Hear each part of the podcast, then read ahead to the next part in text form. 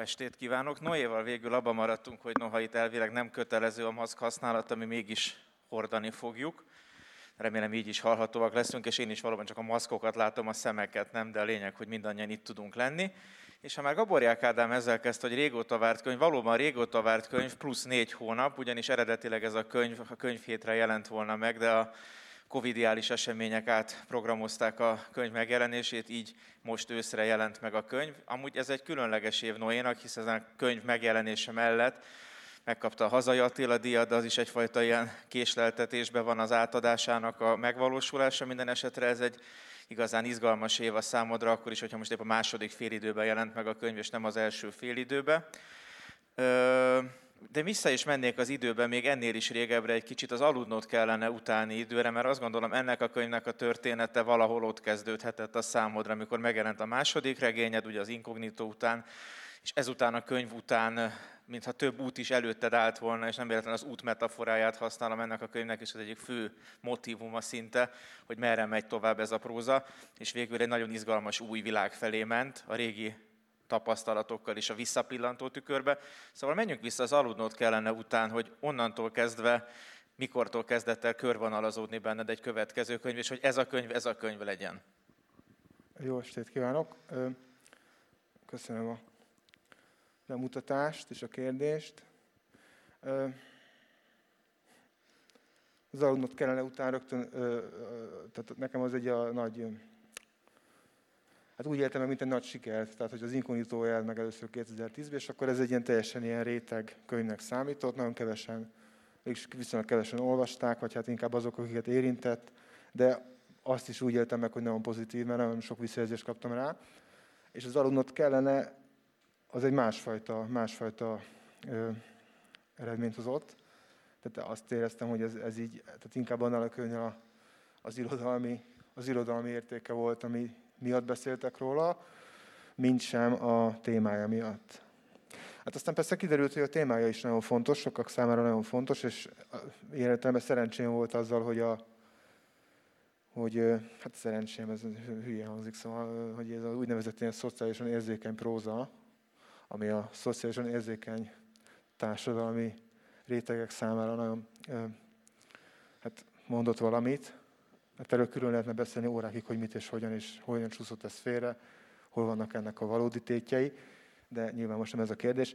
A, az biztos, hogy mind a két könyv után éreztem valami fajta olyan csömört, hogy tudnál valamit csinálni abból a könyvből, kiindulva, és azt lehetne így el így vinni tovább, és akkor kicsit így rá, rá menni valami hullámra, tehát hogy lehetne az ember ilyen transz meg LMBTQ, ilyen, ilyen megmondó ember, aki okosakat és szépeket tud mondani, meg írni mindenféle helyeken, és akkor ugyanúgy fölcsillant annak a lehetősége, ez önmagában az, hogy fölcsillant a lehetősége, ez szépen szimbolizálja, tehát hogy fölcsillant a lehetősége, hogy a szegénység provokátora legyek, ami nagyon vonzó volt számomra az első pillanattól kezdve.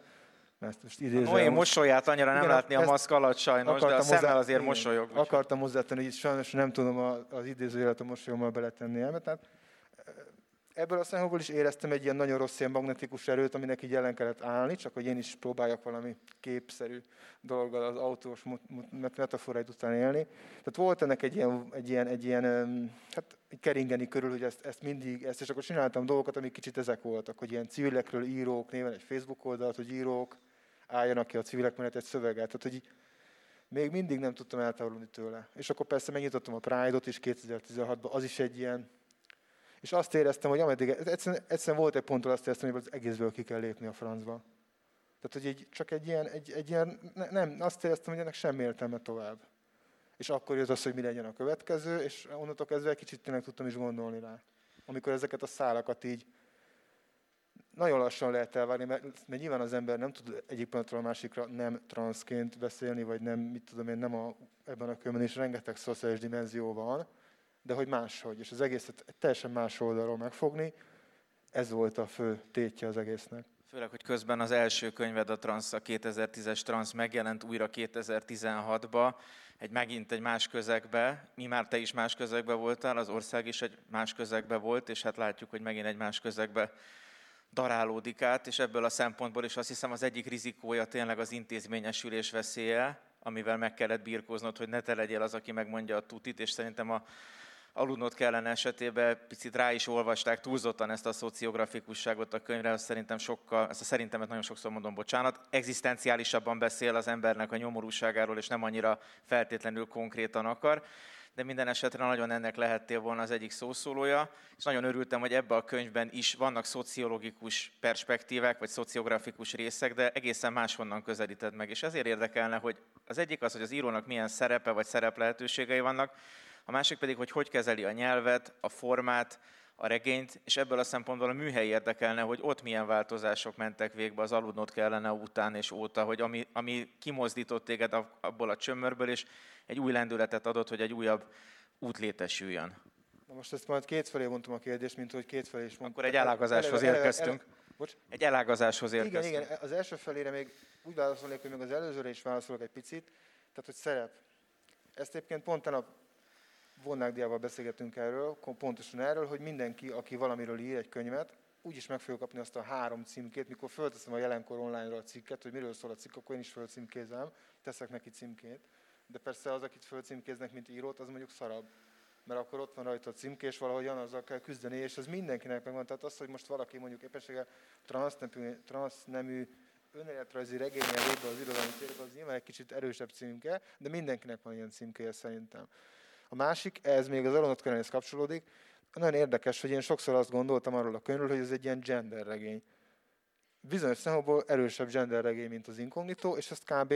Daniel Monán és egy-két kósza olvason kívül senki nem vette észre, hogy ez valójában egy ilyen férfi regény, tehát a ez az a férfi generáció, meg az a férfi társadalom, az a vidéki, ilyen elszegényedett és deklasszálódott, és a rendszerváltás során teljesen lába alól a talajt elvesztő, mondjuk most 60-as éveiben, 50-es, 60-as, 70-es évre járó réteg, akik körül, akik körül gyakorlatilag megszűnt az értelmes világ.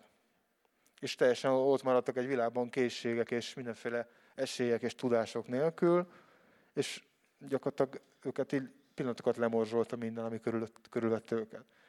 Na most ez csak még az, az arunatkönyvet szerettem volna mondani, az, meg a szerepekhez, hogy a szerepek azt hiszem, hogy mindenkinek, de hát valószínűleg ez írónak se kell lenni, ezeket a szerepeket mondjuk egy író megkapja, kiosztják neki, és akkor szerintem az egész élet arról szól kell, hogy ezeket valahogy itt tágítsa annyira, hogy eljusson addig.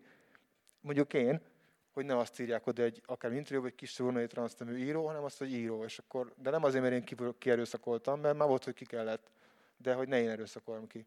És akkor ezt el kell érni valahogy, ami egy hosszú munka szerintem. És akkor itt az elágazás másik fele a műhely. Ugye, ha igen, igen azt hiszem, hogy itt nálam nagy változás nem volt a két könyvben, mármint az Aunot kellene és a, és a mi ez? Beláthatatlan táj esetén. Annyi címváltozatunk volt, hogy már a szerző maga se tudja, hogy mi a címe, de... A felolvasáson végén ott lesz az igazi cím, amit sajnos a magvető kiadó munkatársai mindenféle kiadói, racionális és egyéb okokra hivatkozva zárójel jogosan annuláltak, és be kellett érjem ezzel az egyébként nagyon jó címmel. Most is mosolygott, én láttam a maszkot. Ja, majd a Jancsi mindig, mindig, mindig, majd amikor én mosolygok, akkor a Jancsi mondja.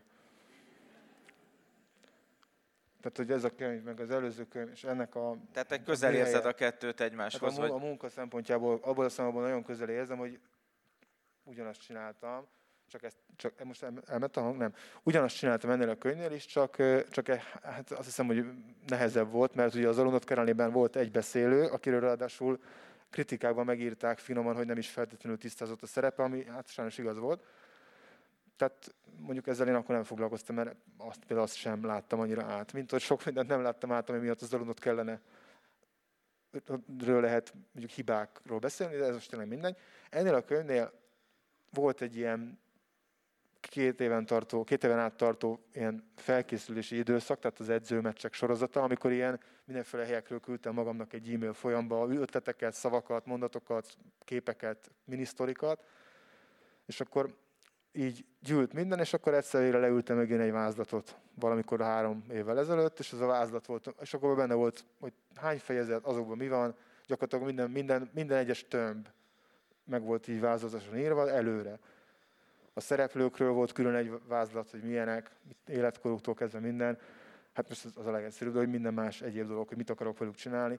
És akkor ez, amikor ezt megírtam, az volt egy ilyen, hát egy 60-70 75 ezer karakteres fájl, és akkor azt így azt így, hát akkor nézegettem, olvasgattam, és egyszer csak, mikor volt időm, akkor elkezdtem írni a könyvet.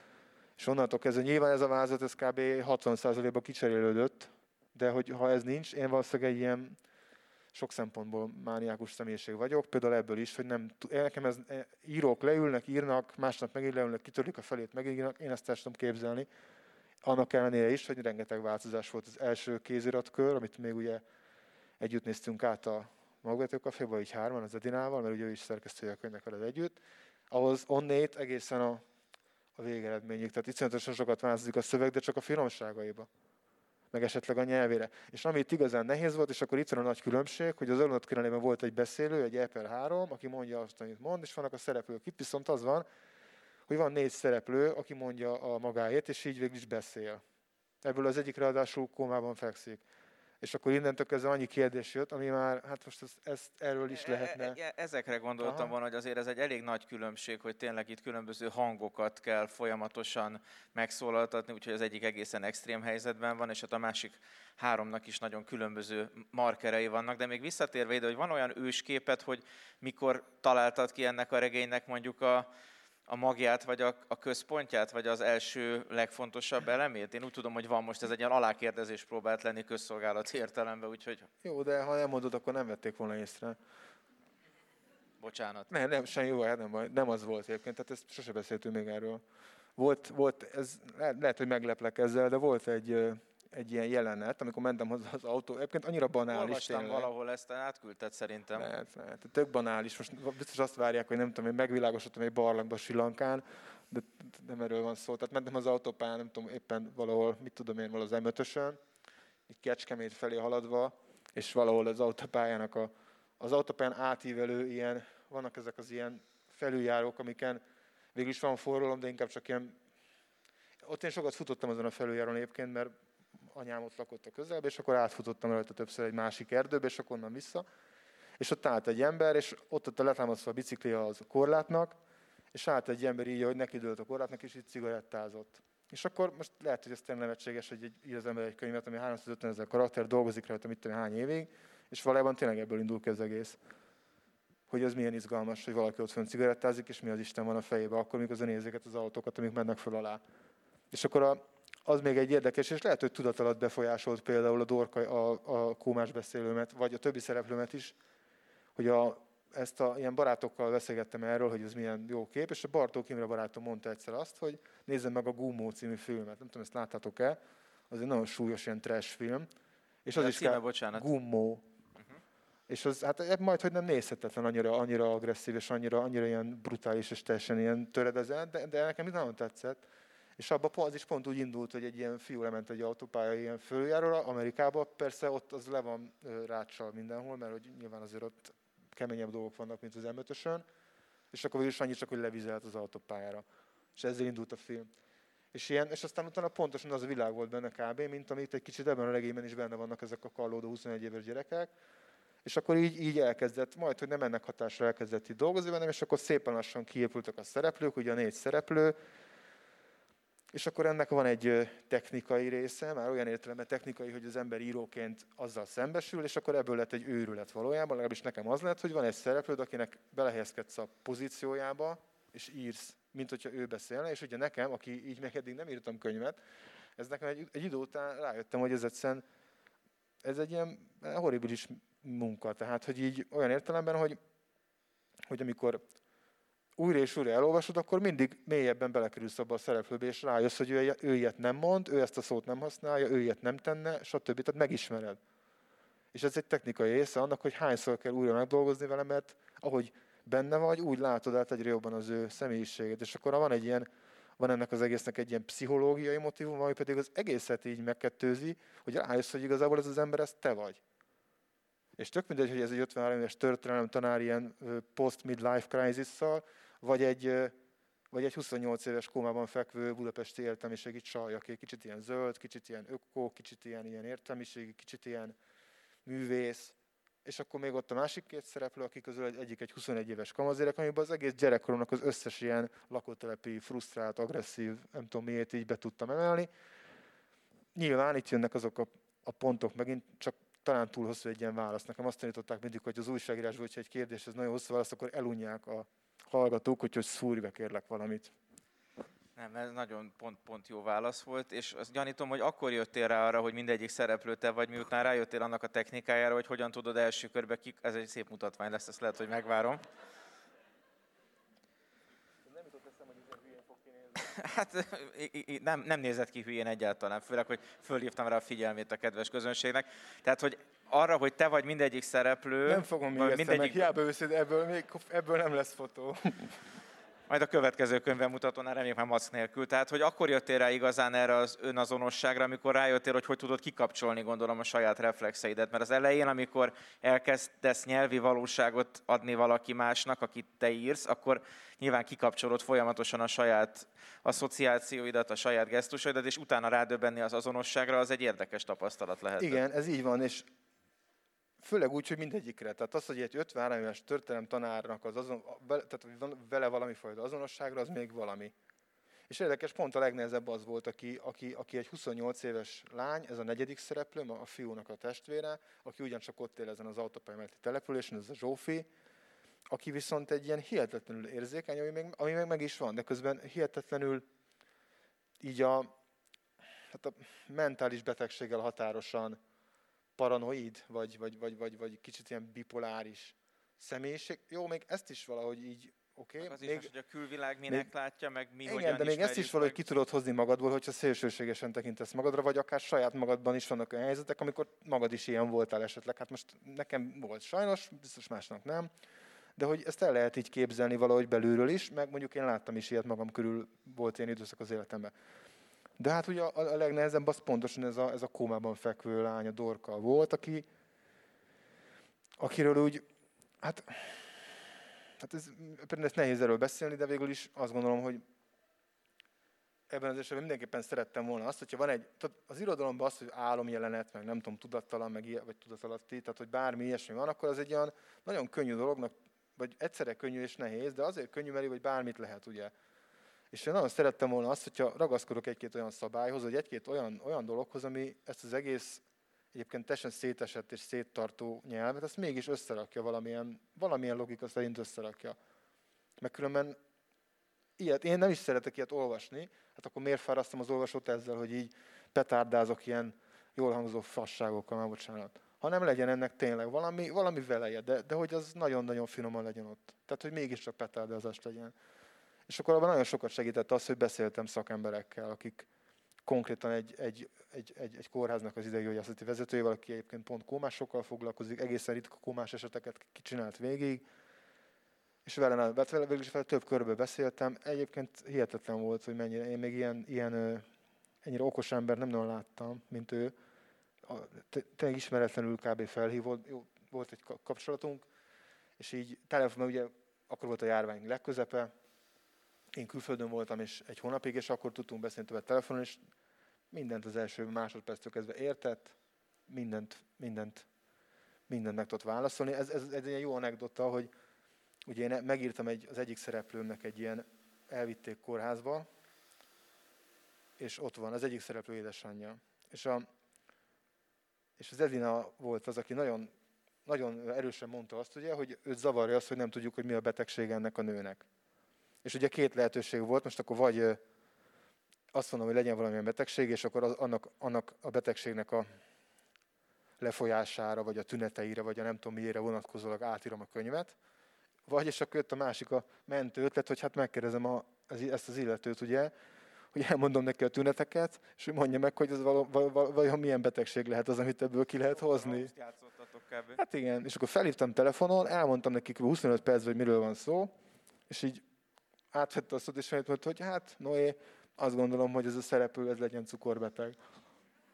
És Fordított akkor, diagnosztika. És akkor utána megmondta, hogy miért.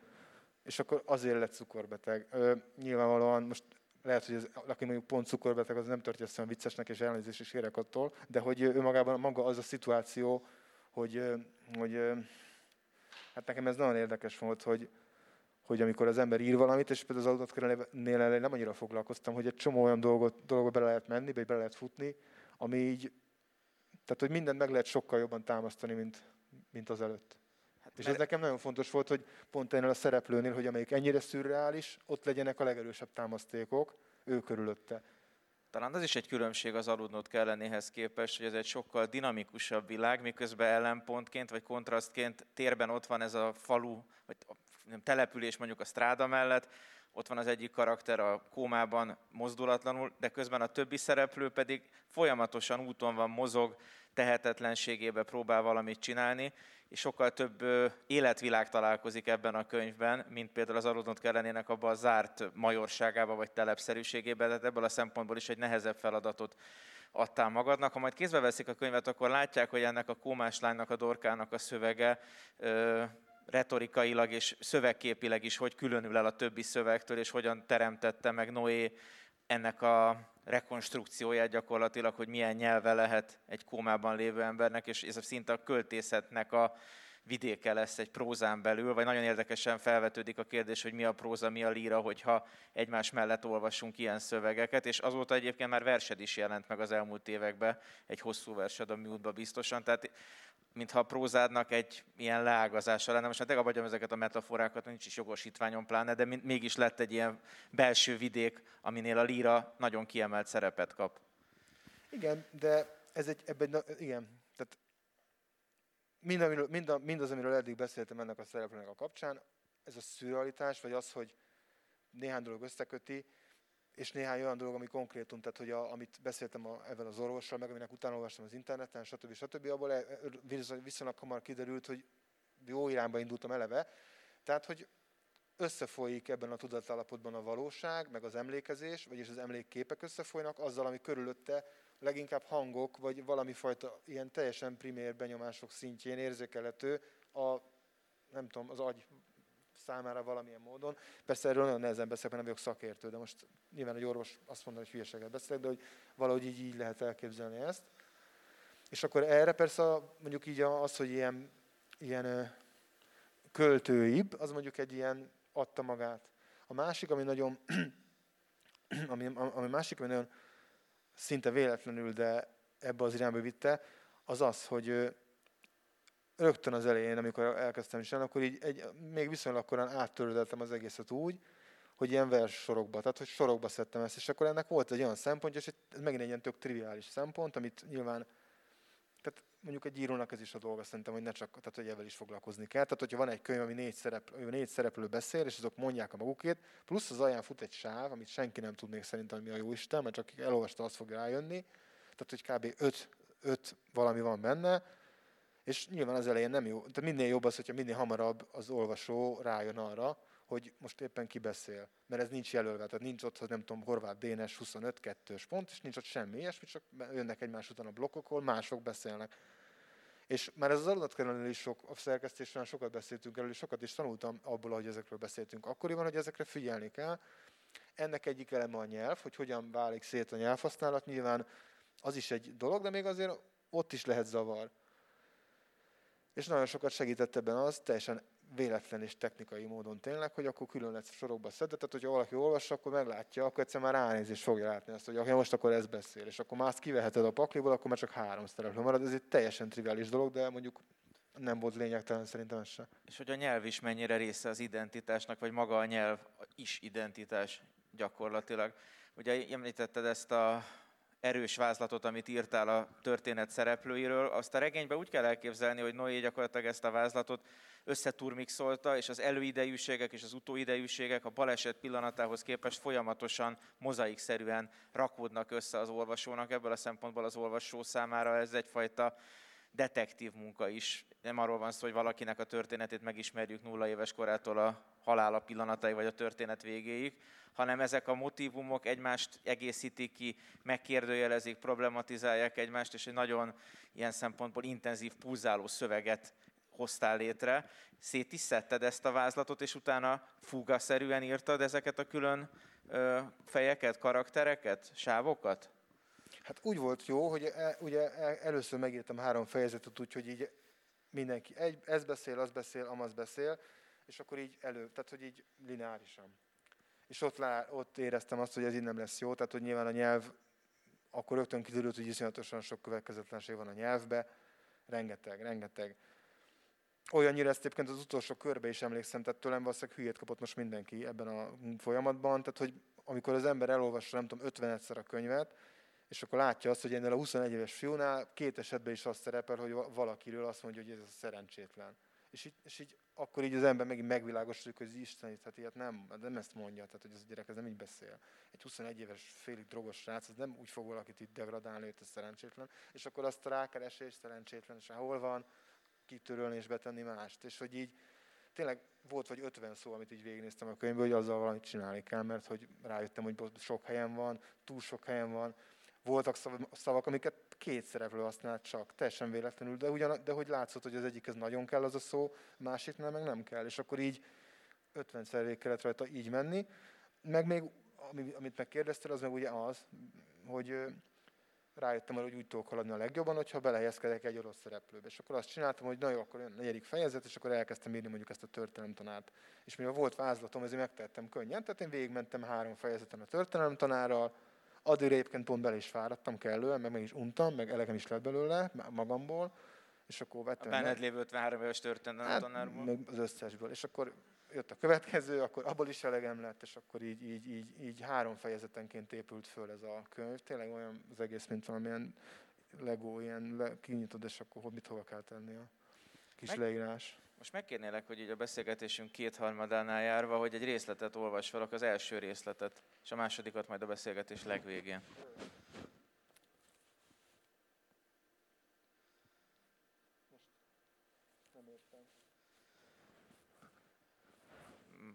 Remélem ugyanaz a szöveg van mindegyik könyvben.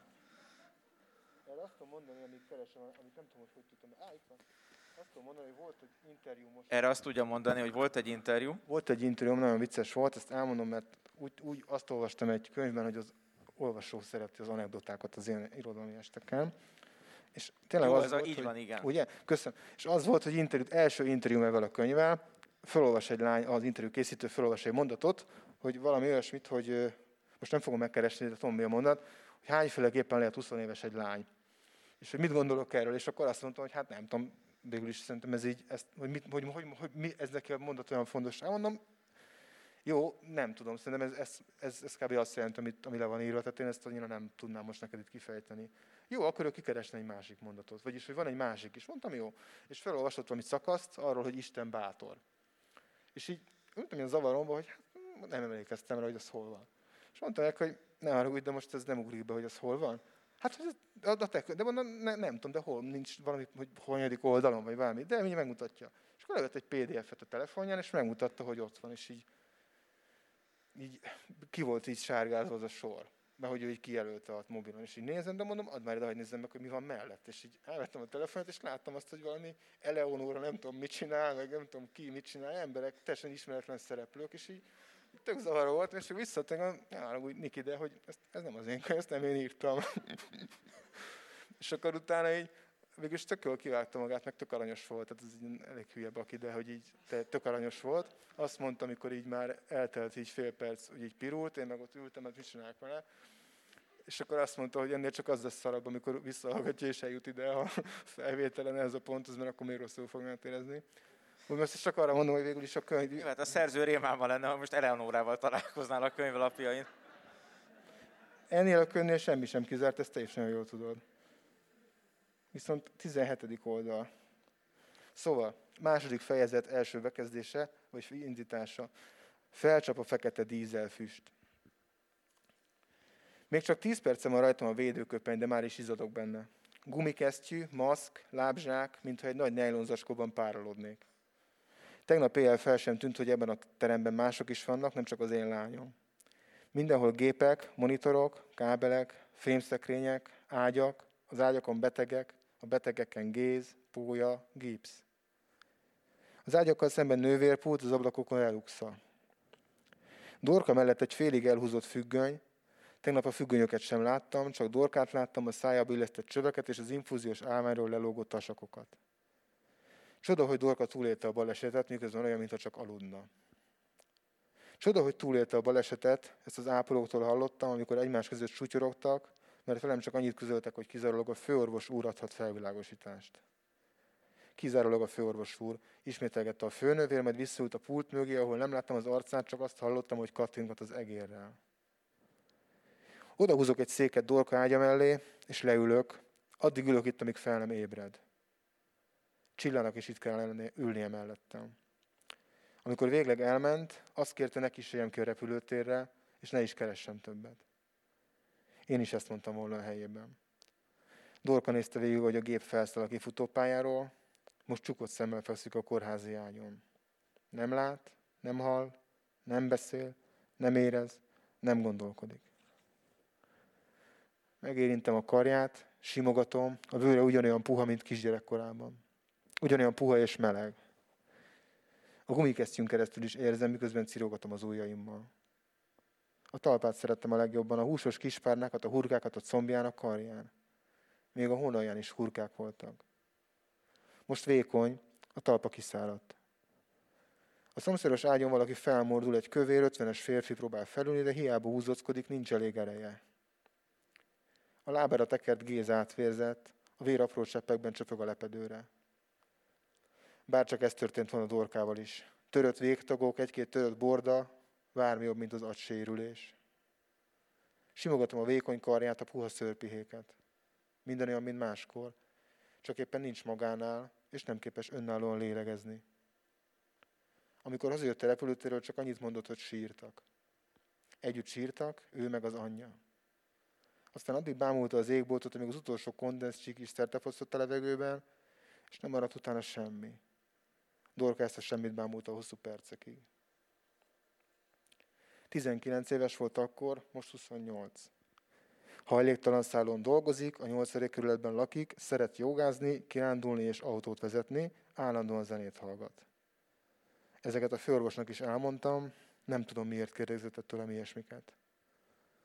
A nővérek suttogni kezdenek, de hiába próbálok hallgatózni, annyit az zaj, mint egy gyárban. Minden sipol, recseg, csattan. Csillának itt kellene ülnie, de nekem fogalmam sincs, hogy mi van vele, mit csinál, hol él. Miután kitölt rajta ez az ezoterikus őrület, Dorka maradt közöttünk az egyetlen kapocs. Korábban legalább tudtam a címét, és elérhető volt a neten is. A vérzőlábú, a vérzőlábú férfi közben az ágykeretet szorongatja, az ápolók körbeveszik, egyikük behúzza a függönyt. Magamra maradok Dorkával, végre nem látnak bennünket. Az arcához hajolok, a maszkon keresztül megpuszilom a homlokát, de nem történik semmi. Csak fekszik tovább, némán, mozdulatlanul. Köszönjük szépen. Szívesen. Most csak bele hallgatva ebbe a részletbe eszembe hogy mennyire más egy ilyen hospitalizált közegről olvasni most, mint egy éve, amikor elkezdtük Szobran Edinával hármasba a szerkesztést, hogy lélegeztetőgép, maszk, hogy ezek a szavak most mennyire mást jelentenek nekünk mondjuk, mint egy, egy évvel ezelőtt. És hogy ezt a részletet olvastad, a másik, ami eszembe jutott, hogy a családok ebbe a könyvbe mennyire nem csak, hogy boldogtalanok, mert ezt Tolstoy óta tudjuk, hanem hogy mennyire sokféleképpen töredezettek, sérültek, és mostanában is a családról sokat lehet olvasni, és ebből a szempontból is egyfajta látlelet. Anélkül, hogy az akarna lenni arról, hogy Magyarországon milyen fajta módon vannak családok, úgyhogy azok horpadtak, amorfak, amputáltak, nem léteznek, és közben mégis léteznek, és ez is nagyon drámaian szépen van megírva a könyvedben. Ez nem egy igazi kérdés, nem ezt tanítják az újságíró iskolákba, de fontosnak tartottam kiemelni, ahogyan azt is, hogy ahogy ebben a részletben is a zenék, úgy más részletekben is a különböző zajok, zenék, képek, fényképek, filmek, pittyegések, pöttyögések nagyon intenzív szerepet játszanak, egy nagyon érzéki világa van az egész könyvnek. Az, hogy ezt például Pécset írtad, vagy valamely vidéki vagy külföldi vendégházban, az mennyire határozta meg a munkát például, hogy mennyire kellett inspirálódnod képek vagy zenék révén ahhoz, hogy bele tudj helyezkedni ezekbe a helyzetekbe? Az inkább csak, az inkább csak azt hiszem, hogy inkább csak a, a, a munkát tette könnyebből, többször volt lehetőségem elmenni pár hétre, egy hétre, két hétre, egyszer Dániába három, három hétre a Havasréti Jóskával mentünk, ő is a könyvét írta, meg én is a könyvet írtam, és vigyáztunk az állatokra cserébe. Dísztyúkokra, teknős békára, és ilyen nagyon aranyosak voltak, ilyen imádkozós áskákra. Etetni kellett őket, meg kicserélni a cuccaikat, és akkor rohangáltak fel alatt a parketten, így vissza kellett őket söpörgetni így kézzel, aranyos állatok. Ők is kedvesen emlékeztek rá, beszéltem velük. Igen? Tudom, tudom, nem. Egy csak egy döglött meg, se, az mondjuk, hát úgy néz ki, hogy fadarab, az barna volt, és az, az is egy sáska volt, szóval. De szerencsére született vagy öt, tehát hogy így úgy mentünk el, hogy a, a hogy mondjam, tehát hogy pluszba voltunk. Ott a például, béka meg túlél mindannyiunkat majd. A teknős békát nem, nem szeretem, és nem is. Szóval én azt őt én gondoztam, az nem volt, szóval az így nem, nem annyira nem élveztem. A tyúkok aranyosak voltak, azt a Jóska csinálta. És ott, hát ezzel azt hiszem, azért is beszéltem erről ilyen hosszan, mert ezzel elmondtam mindent erről az egész három hétről. Ez volt. Uh-huh. És dolgoztam. De hát így lehet dolgozni. És ez, jobb, ez, ez többet segített, mint az, hogy most éppen, tehát maga ez ez, ez, ez a teljes kikapcsolásnak a lehetősége, ez, egy, ez egyre fontosabb számomra, és nyilván egyre nagyobb energiákat akarok megmozgosítani az iránt, hogy ezt elérjem a saját életemben, mert azt látom, hogy az íráshoz ez nagyon, nagyon szükséges. A, az más, amit mondasz, ez a pittyegés, meg ez az állandó zaj, ez meg egyébként az, amiben élünk. Tehát, hogy valójában ez, ez engem is zavar. Tehát, hogy ez, ez, ez, ez, egy, ez szerintem ez, ez zaj. Tehát ez szerintem mindannyiunk életét tönkre teszi.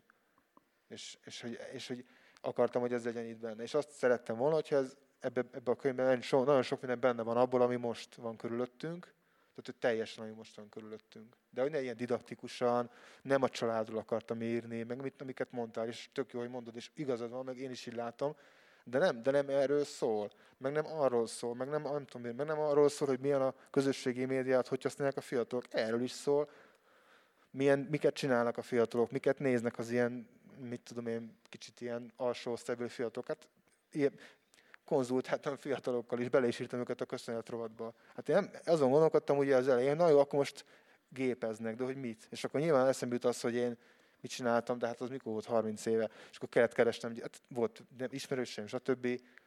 És akkor velük beszéltem, és akkor elmondták. És akkor utána mentem, megnéztem, hát szóval így egy csomó olyan dolgot kellett kikutatni, ami persze ilyen triviális megint csak, de kellett hozzá. De ez, amiben, amiben élünk, ez szerintem, ez szerintem egy erősen benne van, és ez szándékos is volt, hogy én úgy tudnám jellemezni ezt, ami most élünk, hogy valami folyamatos olyan idegi, idegi kifeszültségben van mindenki, ami egyébként nagyon sok mindent megmagyaráz, nagyon sok mindent akarunk megmagyarázni, szociológiai, egyéb, stb kulturális, meg mindenféle érveléssel, és közben én azt érzem, hogy az emberek 90%-a tragikus állapotban van, beleértve engem. Tehát nem én vagyok a 10%. És hát a fényképeknek is ugyanakkor a jelentősége van, és annak is, hogy Dorka gyakorlatilag előhívja folyamatosan a saját életének a képeit, és a képszerűség kapcsán nem tudunk elmenni amellett, hogy te fényképezel is, és szerintem itt beszélhetnénk a könyvről, mint tárgyról és a borítójáról is, és én vissza is rakom ezt addig a saját példányomat, hogy önök is láthassák, ugyanis ez is fontos, azt hiszem, hogy ennek a könyvnek a borítóján egy milyen képet látunk. Az, hogy mit ábrázol, azt ne áruld el, mert az egy izgalmas játék a Facebookon, hogy miket tippelgetnek, de hogy ez a te fotód, azt elárulhatjuk. Az enyém, igen. És a fényképekre dramaturgiai volt szükség, vagy az is poétikailag segített neked, hogy nagyon sokszor képek leírása, képek kibontása? Ja, értem. Mm. Ö, még visszatérek az előzőre, azt, hogy, azt, hogy, hogy is mondtam, hogy tragikus állapotban vagyunk, azt a, a, elsősorban arra értettem, hogy ilyen, ilyen űzöttség, tehát nem úgy értem, hogy mindenki elmebeteg, nem ezt mondom, bár sokan azok, de inkább az, hogy egy Senki ilyen egy magára. potenciális, folyamatos űzöttségben van szerintem az emberek nagy része. Tehát, hogy így, de most ebben nem meg vele, mert ezt szerintem mindenki maga is látja, vagy érzi, aki nem, annak jobb. Ö, az pedig, hogy a képek, hát ennek nyilván az volt, ebbe az volt, hogy akárkivel beszéltem, akármit, akár, tehát akárhova néztem, ugye, akármit csináltam, hát a fiatal, a, a, ezek a fiatal szereplők, ezek valahogy mindannyian folyton a képekkel vannak elfoglalva. Magukat fotózzák, egymást, és van, akinek kiállítása van a fotóiból, a másiknak nincs, mert ő nem olyan ügyes, vagy neki nincs akkora tehetsége, de neki is lehetne, mondjuk ez persze egy picit megint ilyen, ez már elemelt, de hogy azt, tehát azt gondolom, hogy most nagyon erősen a képek, a képek azok, amik... Most pont olvastam valami internetes oldalon, hogy a, csak így a lépcsőforulón olvastam, hogy valami telefonon olvastam egy ilyen hírt, ez önmagában is van nevetséges. Igen, tehát, igen, igen pont erről beszélünk. Újságkihordó újság voltam, és az volt az első munkám, 18 évesen Pestőrincen, és emlékszem, hogy milyen érték volt, hogyha véletlenül elcsesztem, és nem, nem dobtam be egy újságot, akkor el tudtam olvasni. És akkor volt egy újságom aznap, amit nem kellett megvenni, és na, na, imádtam, otthon van három banános láda, ilyen magyar narancson megbeszélőm, és azokat akkoriban ilyen nem tudom, hogy az milyen besbe volt tartva, és azokat ugye elolvastam. És most meg az van, hogy ilyen internetes cikkeket olvasok én is, és akkor na mindegy, szóval ez, ez valami egészen hihetetlen, és pont egy ilyet olvastam, az új Messenger-t reklámozta egy cikk, és ez arról szólt, hogy az új Messenger hogy az új Messenger új ikonjai, és nem tudom milyen, milyen szabható, nem tudom milyen, akár milyen révén, sokkal, hogy is nem valami ilyesmi, hogy sokkal, sokkal színesebbé válnak a beszélgetések, és így vele gondoltam, hogy basszus, hogy beszélgetés kurva jó, hogyha ikonoktól válik színes, és nem attól, hogy miről beszél két ember. Tehát, hogy ott tartunk, hogy már a beszélgetésnek is arról beszélünk, hogy milyen egy beszélgetés, nem arról beszélünk, hogy mi a maga beszélgetés témája, hanem hogy milyen ikonnal lehet a beszélgetés témáját. Most más is mondom inkább, hogy akár ö, kiváltani. És ezt is jó, hogy nem csetelve tesszük, hanem most legalább még húsvér módon. Hát szerintem lehet, hogy tíz múlva kénytelenek leszünk már, nem tudom, mi lesz egy tíz múlva egy könyvemutatón. Nem. Milyen most, optimista vagy, Noé? Most még csak maszk van rajtunk, mi lesz tíz év múlva, ugye ezt nem tudhatjuk. Ezt majd tíz év múlva megtudjuk, de aki meg elolvassa a könyvet, az rájöhet arra is, meg megtapasztalhatja, hogy vannak olyan képek, ahol az a fontos, hogy mi van rajta a képen, az a fontos, hogy mi nincs rajta a képen, mi látható a képen, mi nem látható mi az, ami beláthatatlan, és akkor ezzel a címhez is elértünk, ami azt gondolom valóban egyébként egy sokadik cím lett, de elég jól illeszkedik több szempontból és több szinten is a könyv különböző tétjeihez. Abszolút, ez, ez, én most az elején itt hülyéskedtem, de hát ez, ez, ez, mielőtt még úgy gondolná bárki, hogy most itt a frusztrációmat akarom a, a címmel szembe kifejezni ilyen burkoltan, ez nem igaz, hát ez egy nagyon jó cím szerintem, és tényleg visszaadja azt, amit, amit, amit, amit én szeretnék, és amit kitaláltam, az meg nem adja vissza. Vagyis másképp adja vissza, és nem, nem annyira jól. Felolvasod most a második részletet, most vagyunk 45-nél, óra 5-korról kezdtük el, úgyhogy most egy ilyen 5 perc múlva be is fejezzük. Jó. Jó, ezt már csak a végén olvashatom el, ez egy üzenet. Ja. Tehát, hú, az a baj, hogy a szemüvegemben, viszont akkor bepárásodik, hogyha rajtam van a maszk. Mennyit romlott a szemet 20 perc alatt? Nem, de az előbb is zavar, csak ide eltettem ide, és akkor meg ez máshogy van szedve. De ezt tényleg te írtad, nyugi. Meredek lépcső vezet a pincébe, sötét van, semmit se látni. Most már ezt tényleg ezt írtam, és pont ezt, az előbb meg pont ilyen maszkosat. Na jó.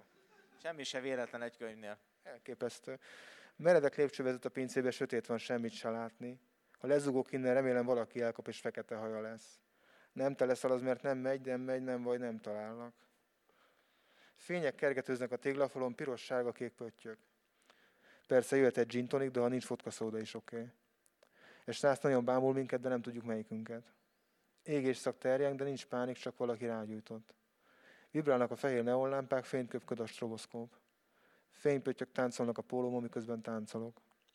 A gin tonic szénsavas felfordul a gyomrom, a fejembe száll nehogy belekevernek valamit az italunkba, figyelünk. Kalapál a zene, de még nincs kedvünk táncolni, csak állunk. Meleg van izzadunk, folyik rólunk a víz elkeni a sminkemet. Valami zúg, valami surrog, valami csattog, valami pittyeg. Ég és szak terjeng, meleg szemítsül a kontagnélvel. A fekete falakon kitüremkednek a fekete ercsetnyomok. Nagyon figyelünk, nehogy az italunkba keverjenek valamit. Kellene már valami jó cucc, mondják a lányok szerintem is. Az ekitől lebegünk, de most a lányok csapatni akarnak. Donald Trump zörög a dobozban, ott maraszt a rohadék. Hetek óta nem jutsz szembe, és ez már a gyógyulás jele. A WC-ben valaki köhögve hányat el a csészét. Alig férünk el a fülkében, hárman a lámpa néha kialszik. Előveszek egy ezes, és összetekerem, mint a cigi lenne. Az ártajtón túl tompán szól a zene, pufognak a dobok. Kipakoljuk a cuccokat a WC deszkára, ez mondjuk gáz. Három fehér sík egymás mellett, az elsőt én szívom fel. Keserű, mint a gin tonic, marja az orromat, a torkomat. A lányok a kagyló előtt térdepelnek, kilóg mindenük. Ég a nyálkahártyám, a fejemben lüktet, zakatol a zaj. Égésszak terjen, dörömbölök az ajtón, az öklömmel ütöm. Nem bírom elviselni a bezártságot, ki akarok szabadulni. Átfurakodunk a szűk folyosón, a tánctéren, a lépcsőkön. Lobog a hajam, kitágol a tüdőm, áramlik bennem az oxigén. A kezem megremeg, a melkason forró, ég benne valami. Szerintem ez a szíjén a mentőkocsi, és nem tűzoltóautó. A házak között langyos szél, a betonkasfok szélére ülünk, éjszak terjeng, lobban a tűz, meggyújtok egy cigarettát. A lányok szerint lángol a diszkó, de szerintem eloltották. Szerintem azok poroltók voltak, szerintem ez cigarettafüst. A lányok nem akarnak visszamenni a pincébe, a pokolba. A pokolban legalább meleg van, és nekem fázik a térdem. Kiszáradt a szám, kalapál a szívem, ömlik rólam a víz. Sokszor gondolkodom azon, mi lesz velem, ha meghalok. Ha meghalok, ha meghalok, ha meghalok, ha meghalok. Szép lehet a mennyország, de a pokolban többen vagyunk. Te is ott vagy, de nem kerestek, ez már a gyógyulás jele. A lányok szerint is inkább pokol, döngalatunk a vaslépcső. Szérülök az imbolygástól, úgy teszek, mint a táncolnék. Szérülök a fénypöttyöktől, a fényköpős stroboszkóptól. Szorongunk, mint a szardiniák a szűk konzervdobozban. A kezemmel elérem a plafont, pedig nem vagyok magas. 166 cm plusz 12 cipősarok. Összeszorít, összenyom, összealapít, összesajtol, összeprésel. A falak közelednek felém, a zene egyre-egyre hangosabb. Kalapálnak a fejemben, az ütemek a fejemben kalapálnak. A fejemben zakatolnak, a közeledő falak összepréselnek. A fejemben tompán döng tovább a hullámzó vaslemez. A fejemben duruzsolás, istergés, kattogás, valami pittyeg. A fejemben vilózik a stroboszkóp, a fény, a zaj, a zaj, a zaj. Egyébként azért nem tudtam volna, hogy azért vettem, azért zavart a szemem, mert ezt tök máshogy kell felolvasni, és teljesen máshogy kellett figyelnem a betűket, mert mhm. annyira arra kellett koncentrálni, hogy ennek ritmusa van. Igen, de más talán pont az jöhetett át a közönségnek is, hogy milyen finom, érzékeny mondatok milyen módon építkeznek, variálódnak, ismétlődnek, és közben milyen drámai erők mozognak a mélybe, és ennek a kettőségét is azt hiszem ez a részlet nagyon szépen kiadja. Szóval Edina nevét már említettük, én is szeretném megköszönni Edinának, hogy együtt szerkeszthettük a könyvet, nagyon tanulságos volt nekem is egy másik nagyszerű íróval együtt dolgozni egy harmadiknak a könyvén, és látni, hogy milyen módon vesz ő észre dolgokat, hat, hat egy, hatunk egymásra, úgyhogy itt ezúton is köszönöm neki. És, Én is ne, és hát neked is, Noé, hogy itt van ez a könyv, és azt gondolom, hogy ez egy nagyon, nagyon gazdag könyv, és mindenki, aki elkezdi olvasni, és felveszi ezeket a sebességeket, az utána össze tudja rakni majd magának ugyanúgy ezt a történetet, amennyire persze egy történetet össze kell tudnunk rakni, vagy csak lehet megélnünk kell, úgyhogy mindenkinek jó olvasást kívánok. Itt a könyvet kint meg is tudják vásárolni a Bookline-nak a standjánál, és kövessék Noét a honlapján is, és fényképeit is, szövegeit is, és hát várjuk az újabb könyvet, de most lehet egy csömörödés, majd hat év múlva folytatjuk egy, reméljük maszk Remélem, hogy azért nem hat, hanem csak mondjuk három. Jó, legyen három, feleztük, rövidítés, oké. Okay. Köszönjük szépen, Kis Tibor Noé, köszönjük, hogy itt voltak, Én minden jót.